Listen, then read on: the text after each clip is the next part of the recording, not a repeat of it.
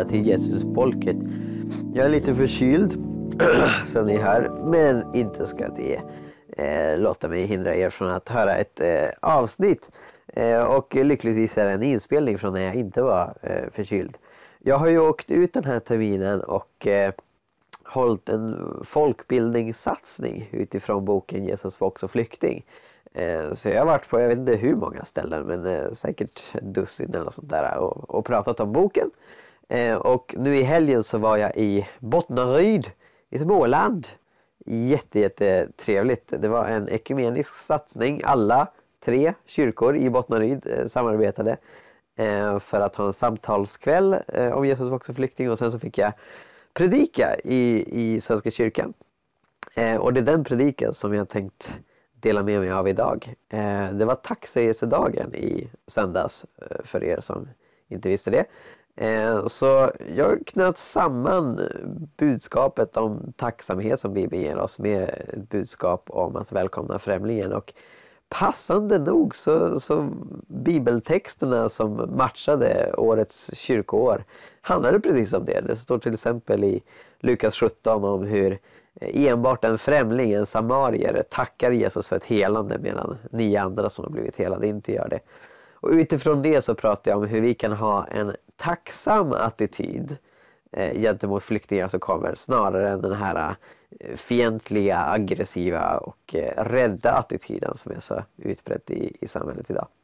Så här kommer den predikan. Håll till godo och om ni är sugna på att jag ska komma till ert sammanhang och prata om Jesus folk och flykting så är det bara att höra av er eh, till oss. Och ni kan ju även eh, tipsa om eh, saker vi ska ta upp i podden på jesusfolket gmail.com. Med det sagt så kommer här predikan. Håll till godo.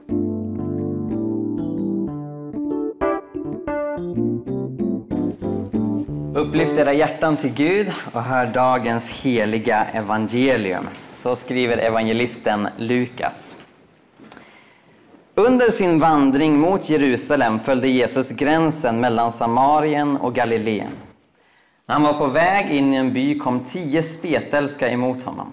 De stannade på avstånd och ropade Jesus, Mästare, förbarma dig över oss. Då sa han till dem, gå och visa upp er för prästerna. Och medan de var på väg dit blev de rena. En av dem vände tillbaka när han såg att han hade blivit frisk. Med hög röst prisade han Gud och kastade sig till marken vid Jesu fötter och tackade honom. Han var samarier. Jesus frågade, blev inte alla tio rena? Var är de nio andra? Är det bara den här främlingen som har vänt tillbaka för att ge Gud ära? Och han sa till mannen, stig upp och gå, din tro har hjälpt dig. Så lyder det heliga evangeliet. Lovad vare du, Kristus.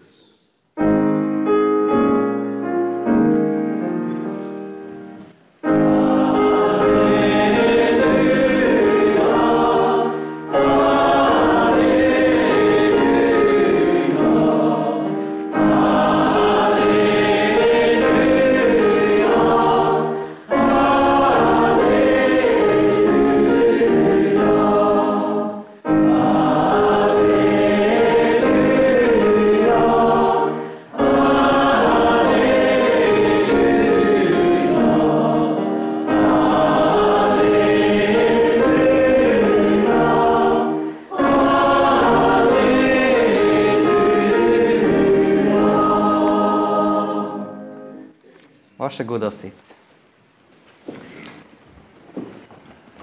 Tack är ett kraftfullt och mystiskt ord.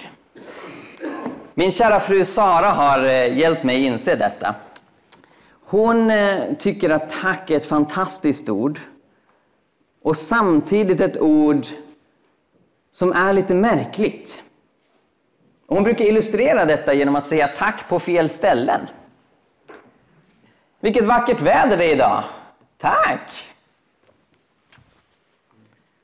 Det var en riktig rysare det här med valet. Tack! Vad bra du är på att sjunga Sara. Varsågod. Och hon har även föreslagit att medan hon verkligen älskar ordet tack så tycker hon att det är lite fjuttigt. Tack! Det, det, det går så snabbt att säga i kontrast till storheten i det man vill uttrycka. Så hon föreslår att vi ska istället säga chashma. Det tycker hon innehåller mer kraft. Och jag fascineras över att tacksamhet är något som de flesta av oss har ett stort behov av att både uttrycka och känna. Tacksamhet till varandra givetvis, men även tacksamhet till något större. Tacksamhet för livet, tacksamhet att vi finns till. Och det här är inte reducerat till de som tror på Gud, som jag själv. Det finns även ateister som känner en djup tacksamhet. Och frågan är till vad? Jag vill tacka livet, var det någon som sjöng.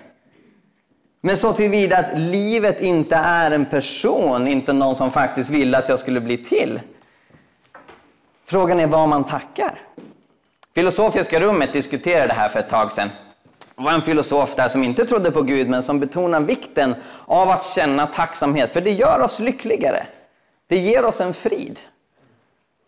Och han fick frågan från programledaren, men vem är det då vi ska tacka? Ska vi tacka Gud? Nej, men kan vi tacka Afrodite. Men hon finns väl inte? Nej.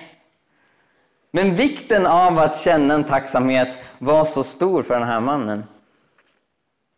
Ja, I dagens bibeltexter så får vi tre utmaningar när det gäller tacksamhet. I den gammaltestamentliga texten så prisar David Gud och uttrycker stor tacksamhet. Han säger från dig kommer allt. Det vi har givit åt dig har vi fått ur din hand. Vi tackar och lovar ditt härliga namn. För vem är väl jag och vad mitt folk att vi själva skulle kunna ge sådana frivilliga gåvor? Utmaningen här är att vara tacksam för det vi ibland tar för givet. Tacksam för det vi har fått. Den andra utmaningen som Paulus ger oss i första Thessalonikerbrevet, det är att vara tacksam under alla livets förhållanden. Även när det är svårt. Det är en stor utmaning. Men jag tror faktiskt att den utmaning som Jesus ger oss i evangelietexten kanske är den största. Och det är att vi är tacksamma för det Gud gör. Alla dessa tre sorters tacksamhet är riktat gentemot Gud. Det är inte en oriktad tacksamhet som man inte vet vart, vart den ska fara. Utan den är tydligt riktad till Gud. Och det är en god form av tacksamhet som vi alla bör träna oss i. Att öka vår tacksamhet gentemot Gud. Det finns också en, en utbredd känsla av att vi själva vill ha tacksamhet och ibland så är vi ju verkligen värda tacksamhet. När vi har gjort något bra för andra människor, när vi har varit duktiga och åstadkommit någonting. Men det finns också en potentiell destruktivitet i att allt för mycket eftersträva tacksamhet riktad gentemot en själv. Igår så hade vi samtalskväll i församlingshemmet utifrån en bok som jag skrivit som heter Jesus var också flykting. Och då pratade vi om invandringsfrågor och flyktingfrågor utifrån Bibelns ljus. Om någon är nyfiken på boken så finns det något att skaffa här. Men när jag engagerat mig för flyktingar och för EU-migranter, människor från Rumänien och Bulgarien som sitter och tigger, så har jag upptäckt att ibland så är människor sura på flyktingar och EU-migranter för att man tycker att de inte är tillräckligt tacksamma. Och Det kan ta sig många olika uttryck, men man kanske till exempel ger en gåva till någon som sitter och tigger och inte upplever tillräckligt med tacksamhet. Och jag har mött människor som har blivit så pass irriterade och arga att de bestämt sig för att aldrig mer ge till någon som tigger. Jag har mött människor som tycker att de här flyktingarna ska väl vara mer tacksamma än vad de är för att de får komma hit och få en fristad här.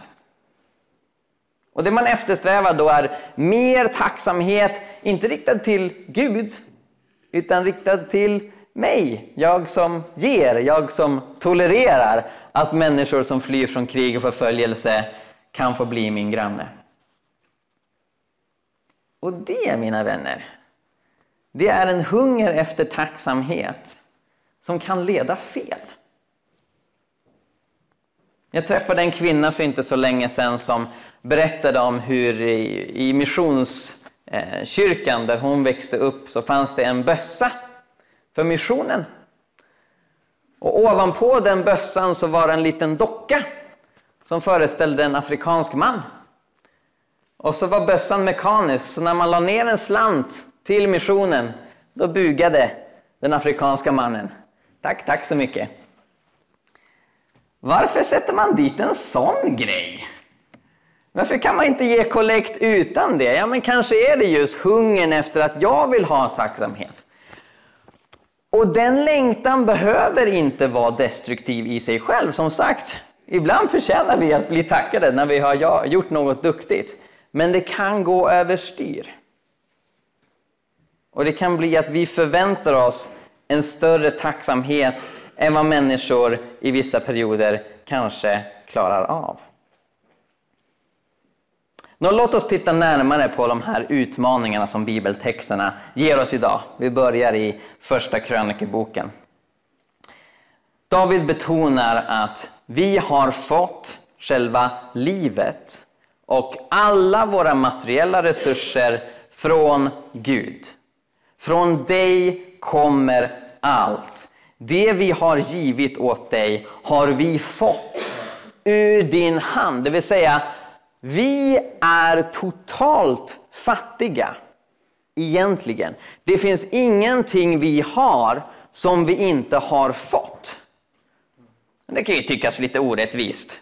Om man har jobbat och slitit ett he hela sitt liv. Men jag har minsann förtjänat det, det, det, det jag har. Och i en mening är det sant när vi lägger ner tid och energi för att eh, eh få, få, mat för dagen och, och hjälpa våra familjer. Men om man tänker ett varv till. Vem arbetade vi åt? Vem betalade vi för att få leva? Jag gick inte till Arbetsförmedlingen för att få ett liv. Jag fick det som gåva. Av Gud. Och det gäller oss alla. Fattiga och rika, infödda och invandrare, allihopa har vi fått livet gratis. Som en gåva från Gud. Det är inget vi har gjort oss förtjänta till. Och på grund av det så är allting som vi upplever i livet, allting som vi får i livet ett resultat av att vi en gång fick livet från Gud. Det, mina vänner, är en fantastisk stor grund för tacksamhet gentemot Gud. Och det är viktigt att komma ihåg. Paulus skriver i första Timoteusbrevet kapitel 6, vers 7-8. Tomhänta kom vi in i världen, tomhänta går vi ur den. Har vi mat och kläder ska vi vara nöjda med det. Det är mycket viktigt att vi kommer ihåg detta, mina vänner.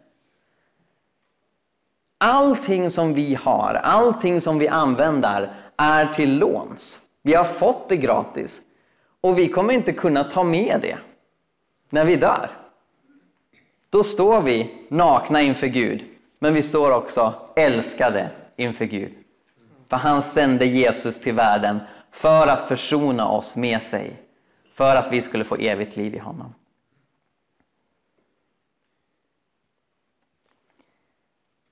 På så sätt så har vi fått allting från Gud. Vi valde inte var vi skulle födas. Vi valde inte vilken familj vi föddes in i. Allt det är en gåva. Det är ingen självklarhet. Det är inget vi kan kräva äganderätt över. Allting är till låns. I Bibeln så betonas det att både Israel som Guds folk och senare kyrkan Båda två är gäster och främlingar. Israel fick lära sig hur det var att leva i exil, både i Egypten och sedan i, i Babylonien. Och även i Nya Testamentet så har kyrkan en självbild som att vi lever i exil, vi lever som främlingar i världen. Vi är invandrare.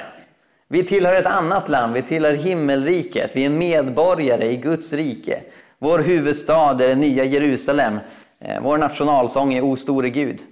Det betyder inte att vi behöver förneka vårt världsliga medborgarskap för den delen. Men det är viktigt att komma ihåg det. Att vi befinner oss som kristna i en liknande sits som en flykting som kommer till ett nytt land. Som känner att jag har min identitet och mitt hem på två platser samtidigt. Det sätter oss i samma skor, precis som Jesus valde att bli flykting när han blev människa, valde att födas in i en familj som var tvungen att fly till Egypten. För att han vill identifiera sig med de som migrerar, med de som flyr. Så kan vi som kristna förhoppningsvis öva upp en större förståelse för människor som byter land. Och när vi har den mentaliteten så tror jag att det blir enklare för oss att generöst dela med oss.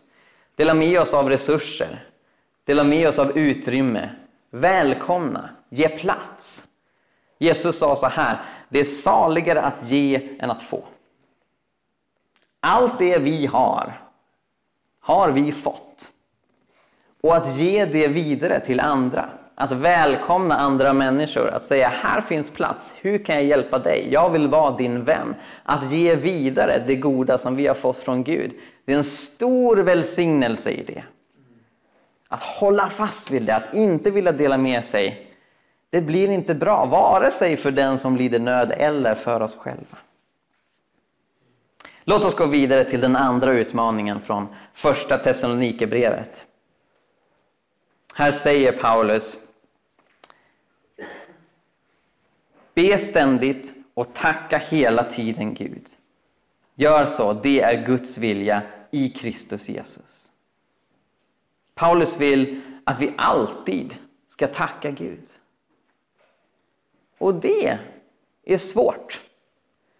Jag tror att det inte är en enda person här inne som har lyckats med det. Det finns tider i livet när vi upplever att allting suger. Allting är svårt. Varför händer det här mig? Det finns tider när vi inte känner oss tacksamma. Det finns till och med vissa som känner att livet inte är en gåva. Att livet har gått så fel, att det har gjort så ont att man inte känner tacksamhet, man känner bara sorg och lidande. Vad menar Paulus här? Förnekar han att livet är lidande? Oh nej. Det visste han om någon. Paulus blev vid ett tillfälle stenad, men överlevde. Han, han genomled förföljelse, han genomled spott och spe, han blev fängslad flera gånger. Han visste att livet inte är en dans på rosor och bara för att man blir kristen, bara för att man följer Jesus så betyder det inte att livet blir enkelt. Tvärtom, Jesus hade faktiskt gett Paulus ett löfte. Paulus började ju sin karriär som förföljare av kyrkan. Sen blev han en efterföljare av Jesus istället. Men när han förföljde Jesus så sa Jesus till honom, varför förföljer du mig? Varför förföljer du min kropp, kyrkan? Jag ska lära dig vad det kostar att vara min lärjunge. Och därefter så fick Paulus uppleva många lidanden, men han valde att tacka Gud. I Apostlagärningarna 16 så sitter han och Silas fängslade i Filippi. Och vad gör de? De prisar Gud. De sjunger lovsånger. Inte för att lidandet i sig är något gott, men de var tacksamma för att Gud har skapat dem, att han har lovat dem evigt liv och att de får förmedla de glada nyheterna om evigt liv till andra. Paulus var inte rädd för döden, Paulus var inte rädd för lidande. För han visste att bortom graven, bortom det här livet, så väntar en stor välsignelse, en fantastisk, ett fantastiskt liv som börjar redan här och nu. Så Paulus insåg att även när livet är svårt, även när livet lider, så finns det alltid något att tacka för. Nämligen att Jesus kom till världen för att befria oss från lidandet, från döden, från sjukdomen. Och han har utlovat oss en evighet i lycka. Jag tror verkligen att vi behöver öva oss i att alltid känna tacksamhet. Och jag tror att vi behöver välja att se saker från ett annat perspektiv. Ett tacksamt perspektiv. För då tror jag att vi själva kommer må bättre och jag tror att vi kommer kunna behandla andra människor på ett mer Kristuslikt sätt. Det är väldigt vanligt idag att man talar om flyktingar som kommer till Sverige som ett problem, som en tragedi, som något dåligt. Det var till och med en politiker som sa att nu när Sverige har eh, kraftigt minskat invandringen så har vi avslutat flyktingkrisen, sa han. Flyktingkrisen är över. Nej du politiker, flyktingkrisen pågår. 70 miljoner människor är på flykt och fler kommer de bli. Fler och fler och fler kommer drivas på flykt. Inte bara på grund av krig utan även på grund av eh, naturkatastrofer. Och de konflikter och de sjukdomar och problem som följer av mer extrema naturkatastrofer. Så flyktingkrisen pågår och det är en kris för människor som är mitt i det, som måste fly från sina hem, som hamnar i en osäker situation, som inte vet om de kommer överleva. Men när människor kommer till ett land som människor flyr till istället för från, så bör vi också känna tacksamhet. Inte för att förneka att det finns utmaningar i integration och lära känna människor och olika värderingar som möts. De utmaningarna finns. Men jag kan fortfarande känna tacksamhet för att Sverige inte är ett land som människor flyr från. Sverige är ett land som människor flyr till. Därför att deras uppfattning är att Sverige är ett tryggt land. Att Sverige är ett land där man kan få bygga ett tryggt liv. Inom missionen så har man länge pratat om 1040-fönstret. De flesta människor som aldrig ens har hört namnet Jesus bor i länder mellan den tionde och fyrtionde breddgraden. Länder i Nordafrika, Mellanöstern och södra Asien. Flera av de länderna har det varit svårt för missionärer att åka till. Det har varit svårt att bygga kyrkor. I flera av länderna är det olagligt att konvertera till kristendomen. Man har försökt, men det har varit svårt. Idag så kommer de flesta flyktingarna till Sverige från 1040-fönstret. Väldigt många flyktingar kommer från länder där kyrkan har haft det otroligt svårt att missionera. Och det är något som jag känner tacksamhet för. Jag kan känna tacksamhet för att även om jag ser att vissa kulturella föreställningar och fenomen och värderingar är problematiska så finns det också värde i viss annan kultur som kommer hit. Jag är väldigt imponerad över nykterismen. Jag är väldigt imponerad över den stora gästfrihet som finns i många av Mellanösterns kulturer. Både bland muslimer och judar och kristna och yazidier. Det är en självklarhet att bjuda in människor. Vi har några nya grannar eh, utanför Uppsala där jag bor med min fru. Eh, som, som eh, dels lagar förfärligt god mat och därtill dessutom är otroligt gästfria och bjuder in oss. Och den gemenskapen är jag otroligt tacksam för. Jag tror det är viktigt att ha tacksamhetsglasögonen på sig.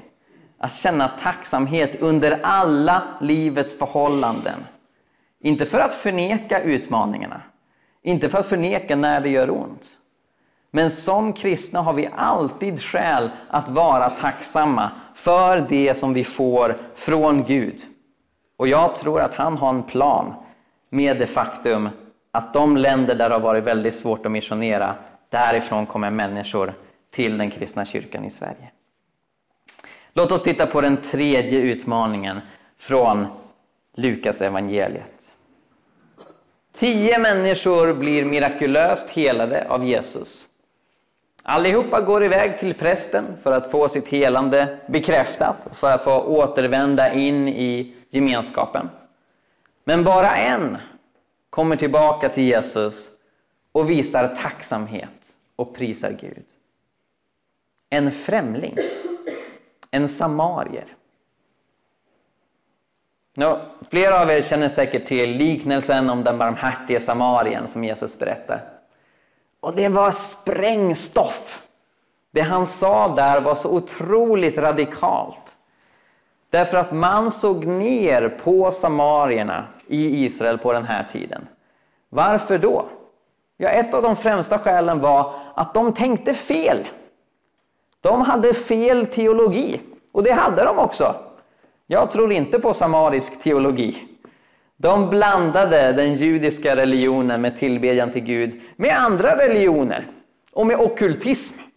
Simon trollkaren dyker upp i Apostlagärningarna 8 som är populär i Samaria för att han gör sina konster utifrån okulta andar.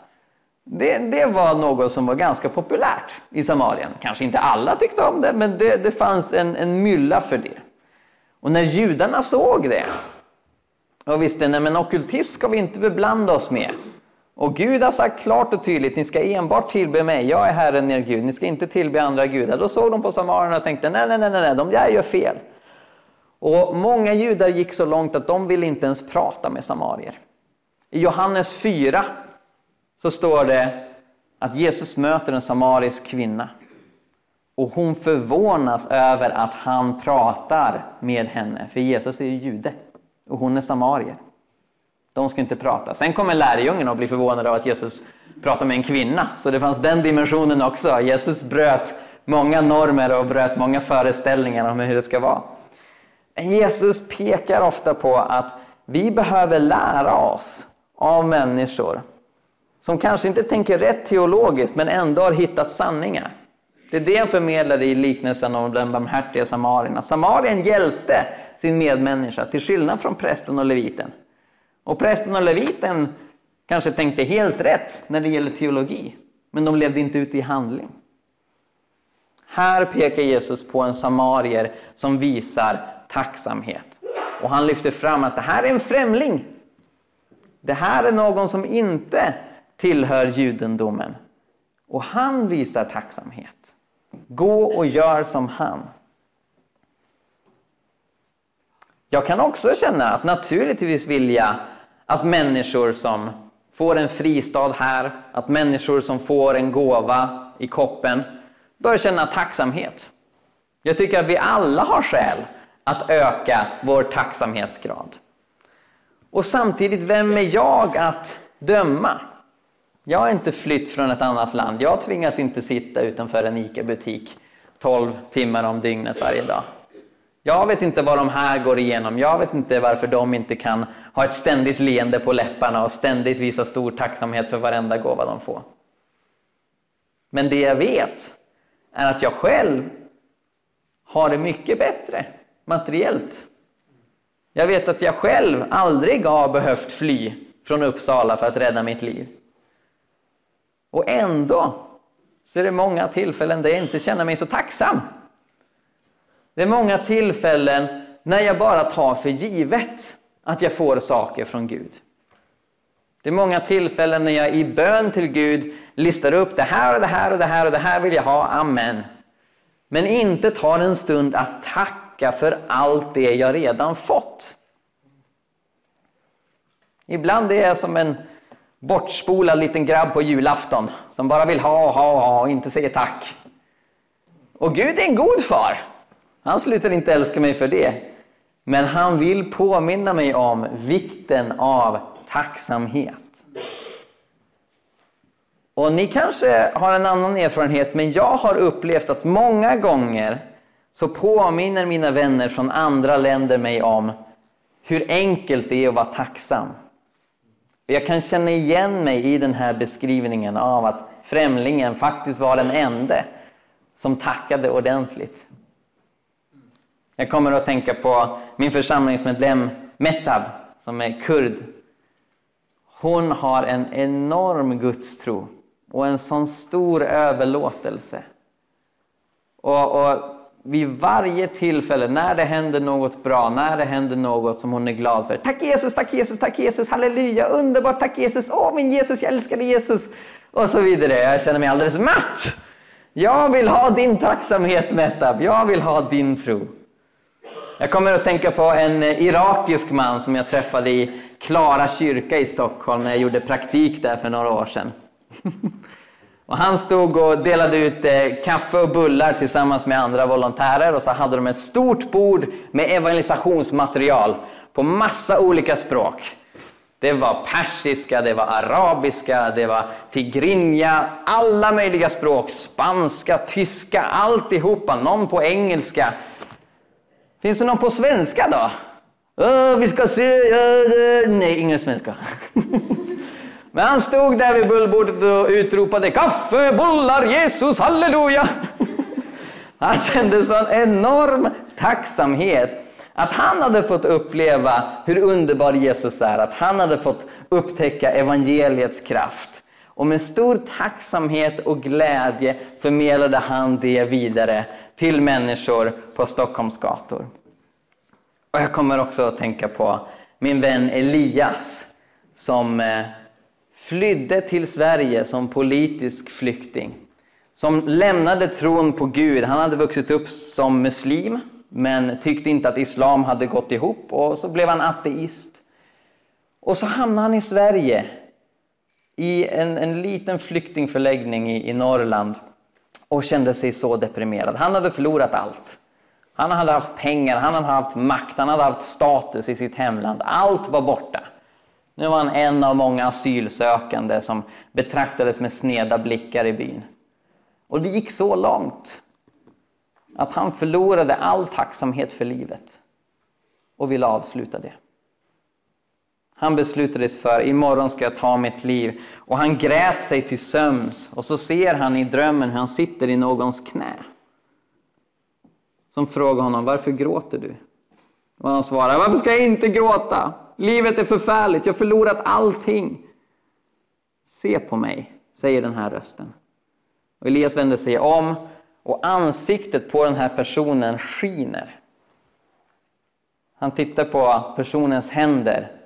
De har hål, märken i sig. Det var märkligt, tänkte Elias.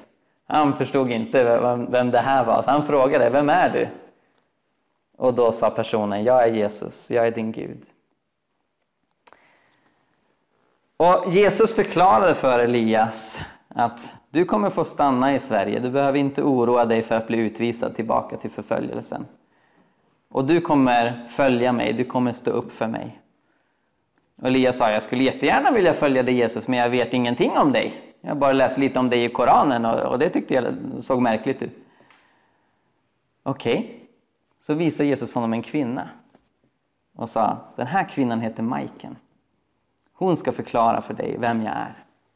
Sen vaknar Elias. Och nu skulle han hitta Majken. Så han gick runt i byn och han stirrade på alla kvinnor han såg för att se om han skulle kunna känna igen henne. Folk trodde att han var från vettet.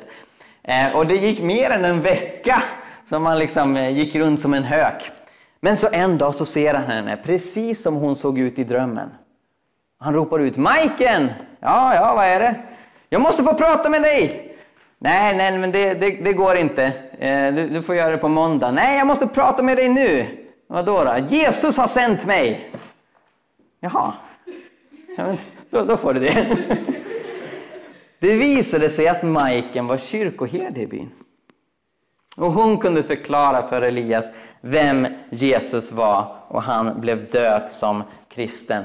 Han känner en otroligt stor tacksamhet till Jesus. Han fick asyl det var en svår process. Det var väldigt nära att Migrationsverket ville utvisa honom. Trots att advokaten visade upp ett brev från Elias pappa. Det var egentligen inget brev, utan det var en dödsattest. Den sa, min son är död. Jag har ingen son. Och om han skulle uppvisa sig i landet så kommer vi realisera detta med en begravning. Men till slut, efter kampanjande i media, så, så fick Elias uppehållstillstånd. Eh, och han känner en förfärligt stor tacksamhet, en fantastiskt stor tacksamhet för det liv han har fått här, som han förmedlar vidare till andra. Han jobbar med, med mediamission och, och riktar sig till andra människor från Mellanöstern. Och varje gång jag pratar med honom och frågar hur är det Elias? God is good, God is great, praise the Lord. Han har en fantastiskt stor tacksamhet, och en fantastiskt stor tro. Så jag tror att Gud verkligen vill tala till oss idag om vikten av att känna tacksamhet för livet. Att vi känner tacksamhet. Att vi bor i ett land som människor flyr till och inte ifrån. Och att vi känner tacksamhet för varandra. Tack.